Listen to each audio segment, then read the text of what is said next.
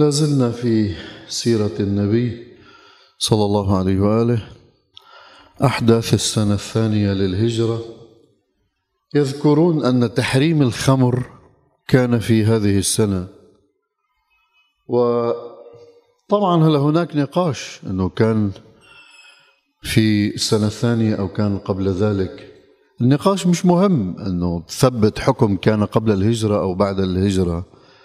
بس المهم من الروايات مع الأسف اللي طعن فيها آه، الحمزة عم النبي وطعن فيها أمير المؤمنين الإمام علي عليه السلام وطعن فيها أيضا أبو بكر وعمر بالنسبة إلى شرب الخمر. مثلا عندنا رواية ممن يعني يروي المحدثين والمؤلفين في السيرة أن أمير المؤمنين عليه السلام بعد معركة بدر التي تحدثنا عنها سابقا نقل السيدة الزهراء عليه السلام إلى داره. بعد ما جهزها وإلى آخره آه، فكان يعني بينما هو يستعد لنقلها وعنده شارفان قد أناخهما. جملين يعني. طيب قد أناخهما إلى جانب حجرة لبعض الأنصار وهو مشغول عنهما بعيد عنهم وإذا بالحمزة بن عبد المطلب قد خرج عليهما من مكان وقد استولى عليه السكر. سكران. وأفقده عقله ووعيه فوثب عليهما وشق بطنيهما وأخرج كبديهما ومضى لسبيله. الرواية طويلة بزيادة هالقد. آه، أيضا روى هذا الحديث آه، كل من مسلم والبخاري في صحيحهما من مرويات محمد بن شهاب الزهري الذي عاش في طبعا قصور بني أمية وعلى موائدهم.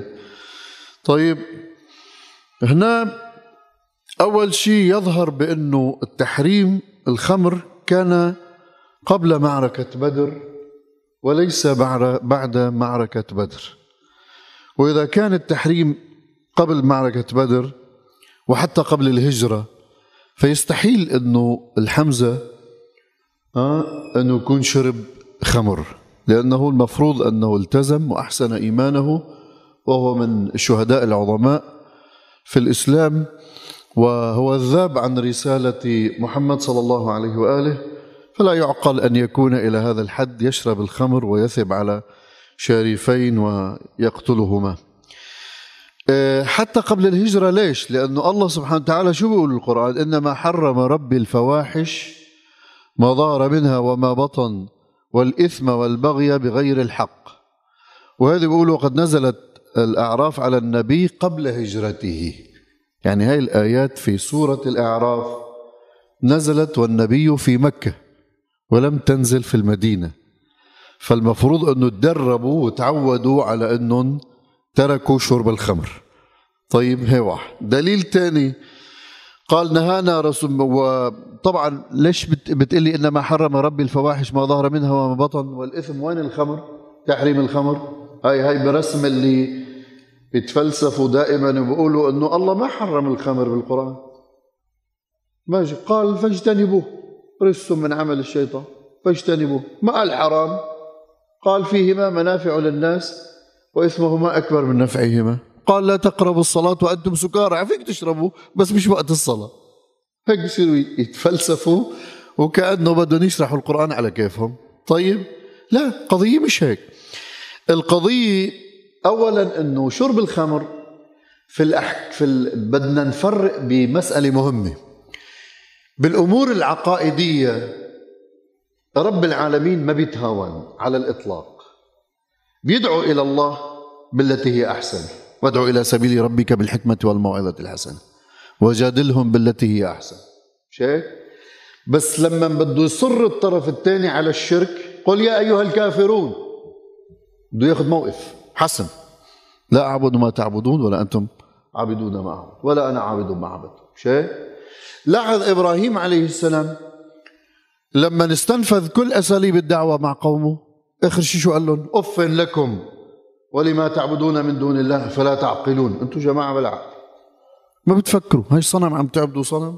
طيب بده ياخذ موقف حاسم. نفس الكلام هلأ بيعترضوا علينا على أسلوبنا. خصوصا في محاربة الخرافات. بعده لهلا لحقنا. هذا الأسلوب إنه اسلوبه قاسي وصادم. هذا الأسلوب ناتج من القرآن. بالغلو في الدين الغلو مثل الشرك. نفس الشيء ما في فرق أصلا.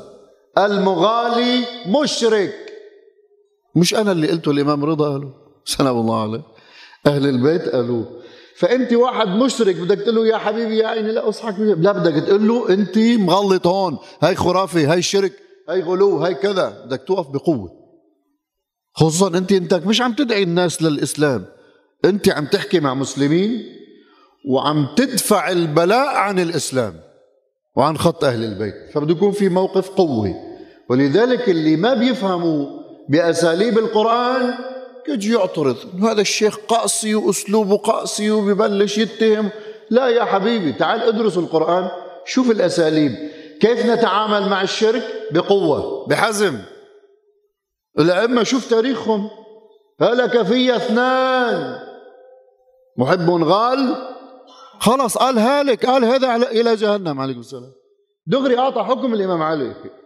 ما في مهادنة مع الغلو. روح مثلا للأئمة البقية. سلام الله عليه. لعن الله المغيرة. أسلوب قاسي.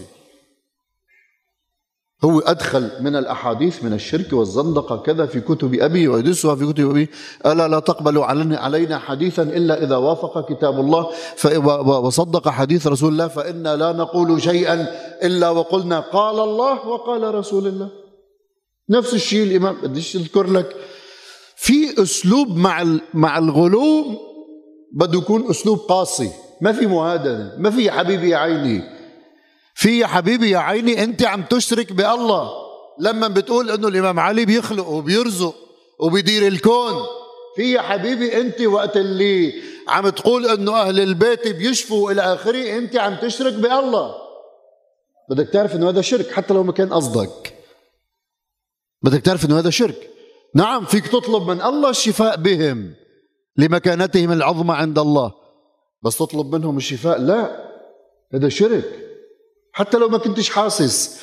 إذا الأئمة أبعدونا عن الكلمة الكلمة وما يؤمن أكثرهم بالله إلا وهم مشركون. هاي الآية بسورة يوسف. الأئمة قالوا شو؟ إمام الباقر الإمام الصادق. منها قول الرجل توكلت على الله عليك قديش بنقولها نحن؟ توكلنا على الله وعليك؟ هاي شرك؟ منها قول الرجل وحياتك. بس تقول له لواحد وحياتك اعمل لي هالشغلة وحياتك اعطيني هالغرض. هذا شرك شرك لفظي. ليش؟ لأنه الحياة لله الله هو الحي القيوم. إحنا معدومين ميئنا كميت وإنهم ميتون. وهكذا. لولا فلان لهلكت. لولا فلان لدمرت. لولا فلان لهتك عرضي. مش هيك بنحكي؟ لا حبيبي. قال له هذا شرك الإمام الصادق قال له إذا ماذا أقول يا ابن رسول الله؟ قال قل لولا أن من الله علي بفلان لهلكت. من الله علي بفلان لهلكت. بدهم يبعدونا عن هاي مدرسة التوحيد هون. يجيك بيقولوا لك هو وهابية لا يا حبيبي لا أنتوا ولا الوهابية عارفين الدين. لا أنتوا ولا الوهابية حتى الوهابي عنده نوع من ال... من التجسيم لله للذات الإلهية. وقت اللي بيقول ثم استوى على العرش كما آه، شو اسمه استوي على كرسي هذا. بنسبوا لرسول الله حديث. هذا نوع من التجسيم. هذا مش صح. مدرسة التوحيد هي عند أهل البيت عند الإمام علي عليه السلام اللي هو تلميذ رسول الله من الإسلام. طيب في أساليب عم نقول. أسلوب آخر وقت اللي واحد بدك تحكي معه تهديه إلى الدين. ما فيك تكون فج. عملك باطل صليتك باطل الله ما بيغفر لك. لا ما بيجوز هيك. هيك بتكون عم تنفره لا بتقول له تعال مهما كانت ذنوبك عظيمة الله يغفرها. إن الله يقبل التوبة عن عباده ويحب التوابين. قل يا عبادي الذين أسرفوا على أنفسهم لا تقنطوا من رحمة الله. بدك تحببه تجيبه هذا أسلوب آخر. مش هيك؟ واحد بدك تفهمه على حكم شرعي. وضوءه باطل وضوءه غلط. تعمل مثل ما عملوا الحسنين عليهما السلام. مش على طول كلكم حافظين للرواية بيقول له اضبط علي وضوئي. قدام هذا الشيخ الكبير. حتى ما يجرحوا يقولوا له إنه انت وضوءك باطل. هاي الأساليب أساليب الأخلاقية إلى مواضعها؟ والأساليب العنفية إذا الصادمة مش العنفية كمان إلى مواضعها. وهكذا في الحرب في أسلوب. تأسا لكم تبا لكم وترحا. لقد ملأتم قلبي قيحا. يا أشباه الرجال ولا رجال وعقول ربات الحجال. أطعص الله جلودكم وأذل خدودكم. إلخ إلخ إلخ. شوف بهادل. هذا أسلوب. أيضا هذا مشروع. في الحروب وقت الناس بتتقاعس عن حقوقها. ما لي أراكم تفرقتم عن حقكم. واجتمعوا على باطلهم. جماعة معاوية اجتمعوا على باطلهم. أنتم تفرقتوا عن حقوقهم مثل ما عم بيصير فينا اليوم. إحنا تفرقنا عن حقوقنا. اللي سلبية الدولة وهذول الحكام. شيء؟ واجتمعنا على باطلنا في الدفاع عن الفاسدين. بدها أسلوب قاسي. ما بدها أسلوب يا حبيبي يا عيني. بدك تعبد زعيم اعبده. الله رح يحشرك معه يوم القيامة. بدك تحترم الزعيم احترمه. بس لك حقوق. هذا بده أسلوب صادم. ما بده أسلوب يا حبيبي يا عيني على الإطلاق. منكر منكر. طيب وهكذا الأساليب متعددة. في تغيير الأحكام تبديل الأحكام عندما لنوصل لهم بديش طول بالأساليب ولا هي لحالها بدها محاضرات. لما أنت بدك تيجي تثبت حكم شرعي في قبال شيء ثابت متجذر تاريخيا في نفوس الناس. مثل الرق. ما فيك تيجي تقول لهم الرق حرام. بس فيك تيجي تعمل أحكام إجرائية. هذا أنا بحثه بكتاب إن شاء الله اللي بده ينزل جديد. بحث هذا الموضوع مفصلا. ما في يجي يقول ما بيجوز الرق في الإسلام مع إنه ما عادش في رق. إذا قال ما بيجوز الرق كل الناس صارت ضد الدين لأنه تجارتها قائمة على الرق مئات السنين. عمل أحكام إجرائية. بالعتق بالكذا باستحباب العتق بالكفارات بي بي بي حتى وصل إلى إلى عتق العبيد. طيب نفس الكلام في الخمر. لاحظ بالعده مثلا. أول ما بلش الإسلام أمضى عدة وفاة المرأة سنة. لأنه هيك كانت العرب. فارزقوهن إلى الحول. والذي كذا يذرن ازواجا فارزقوهن إلى الحول. أمر أهل الميت برزق الزوجة إلى الحول سنة العدة. بس اطمأن الإسلام وصاروا يقدروا يفهموا شو الحكم الشرعي قال لهم أربعة أشهر وعشرة صارت عدة الوفاة. نفس الكلام في الخمر بدنا نوصل للخمر. خمر أول شيء آه، الله سبحانه وتعالى قال لهم أنتم يمكن تفكروا أنه في منافع. والله هيك واحد إذا ذهب عقله سكر بيستأنس بينسى مصايبه بينسى كذا بينسى كذا. بعض الناس قد يفكر إنه والله هذا ممكن منيح للرمل منيح فيه شفاء. وما جعل الله الشفاء في الحرام في الحرام شفاء. زين. الله قال له ويسألونك عن الخمر والميسر قل فيهما منافع للناس وإثمهما أكبر من نفعهما. يمكن أنت تشوف منافع بتجارته تشوف منافع بسكرك بس لازم تعرف إنه هذا السكر بس يروح رح ترجع الحالة النفسية أصعب. بس تفيق من سكرك. شو بضلك كل عمرك سكران؟ روح حل مشاكلك واجه مشاكلك. طيب أنت مفكر إنه في نفع بتجارة الخمر؟ بس المضار أكثر. على المجتمع وباء طويله عريضة. أعطى أول شيء صدمة إنه في مضار كبيره إثمهما أكبر من نفعهما. بعدين قال له لا تقربوا الصلاة وأنتم سكارى. يعني عمليا 24 شو اسمه آه، آه، آه، كل كل النهار وقت الصلاة بدك تكون فايق مش سكران. طيب؟ بعدين قال لهم رجس من عمل الشيطان فاجتنبوا شوي شوي. لحتى اللي يقدر يس... ليش؟ لأنه الخمر كان مثل شرب المي. عندهم بالمدينة وبمكه والعرب ومن من مئات السنين وبيمونوه ولا زال إيه؟ وبمونوه بالبيوت. مثل ما بنمون الكشك بعلبك وبنمون العدس وال... نفس الشيء بمونوا خمر كان مؤونة في الدار. طيب فالله سبحانه وتعالى نزل لحتى يفهم المجتمع لحتى ما يصدموا ما ينفر. فكل موضوع له حكمه له يعني بده يدرس في شيء أنا عندي اسمه دراسة الظروف الموضوعية للحكم الشرعي أو للمفهوم الإسلامي أو للأمر العقدي. مشكلة الظروف الموضوعية والتاريخية لا تدرس عند المسلمين. لا تدرس. يعني شافوا والله مثلا إنه النبي حارب وقتل. في آيات بتساعد على القتل. راحوا شو جابوا هالآيات صاروا يطبقوها. لا يا حبيبي. الله صحيح قال واقتلوهم حيث ثقفتموهم. بس اقرأ الآيات اللي بعد منها بسورة النساء في ثلاث أربع استثناءات.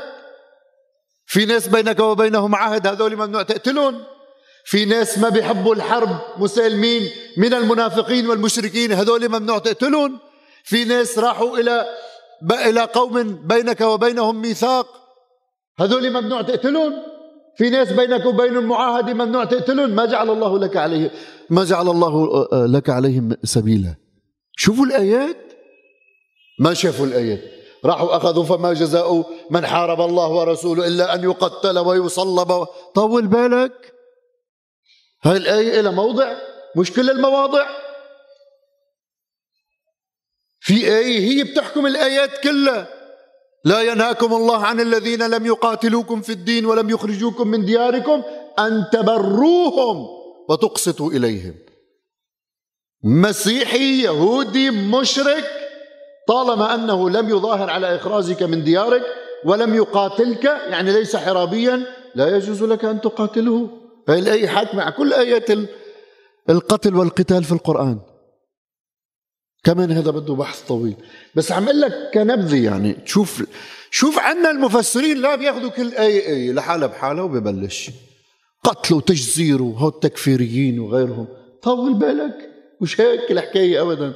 في عنوانين فقط في القرآن يبيح الله تعالى فيهما القتل. ولأجل ذلك كتبنا على بني إسرائيل أنه من قتل نفسا بغير نفس. من قتل نفسا يعني القود. القاتل يقتل عمدا. أو فساد في الأرض. كل آيات التي تدعو إلى القتل والقتال هي ينطبق عليها عنوان الفساد في الأرض. إذا ما انطبق عنوان الفساد في الأرض ما بيجوز القتل. ما في غير هالعنوانين بيجوز القتل فيهما. ولا أي عنوان آخر يبيح لك أن تقتل. هلأ بتقلي بالرجم وبالكذا هذا اللي رايي فيه. مش عم بحكيك بس بالقرآن برومه من اوله لاخره فيش غير هالعنوانين. بس غير هذول العنوانين ممنوع القتل. طيب الله سبحانه وتعالى وقت اللي عم يحكي عم عم يقرن إذا بتلاحظ الآيات بين الخمر والميسر. بآخر أي شو عم بيقول إنما الأنصاب والأزلام والخ... بالمدينة ما في أنصاب وأزلام؟ ما في اصنام نرمي امامها القداح هي كانت بمكة. فإذا هذا شو بيعني؟ بيعني إنه رب العالمين حرم الخمر وقت اللي شو؟ قبل الهجرة وقت اللي كانوا بمكة. هلا أنا بديش استدل ايمتى حرم عم لك مش مهم كثير ايمتى حرموا بمكة ولا بالمدينة. بس الكلام إنه إذا صادر مثل هذه الآيات للتحريم أيعقل للحمزة أن يشرب الخمر؟ حاشا؟ بس بدهم يشوهوا الصورة يعني أنت بيجي مثلا هذا ابن شهاب الزهري اللي قلنا لك متربي على موائد بني أمية بني أمية شريبة خمر. غالب حكامهم شريبة خمر. بده يبرر شرب الخمر شو بيعمل؟ هم الحمزة كان يشرب الخمر وسكر وعمل هيك. هاي الرواية. ها بعدين بيقول لك لا ما الإمام علي حاشاه حاشاه. شرب خمر وهو عم بيصلي بدل ما يقول قل يا أيها الكافرون لا أعبد ما تعبدون وأنا عابد ما عبدتم. حاشا مين؟ إمام علي. اللي كان يتبع رسول الله اتباع الفصيل إثر أمه. عمر. حتى بالنسبة إلى عمر وأبو بكر أنا ما بوافق أنه كانوا يشربون الخمر بعد بعد شو اسمه. آه هلا بتقوم أيامة الشيعة. عم تدافع عن عمر وأبو بكر؟ ولا يجرمنكم شنآن قوم على أن لا تعدلوا اعدلوا هو أقرب للتقوى. أنا بعدل مع اليهودي إذا كان معه حق. خير إن شاء الله. شو المشكلة؟ الله. صفة بيقول صفة المؤمن أن يعدل حتى مع عدوه. طب هذا صحابي. وعايش مع النبي. حتى هذا أنا ما بقبل.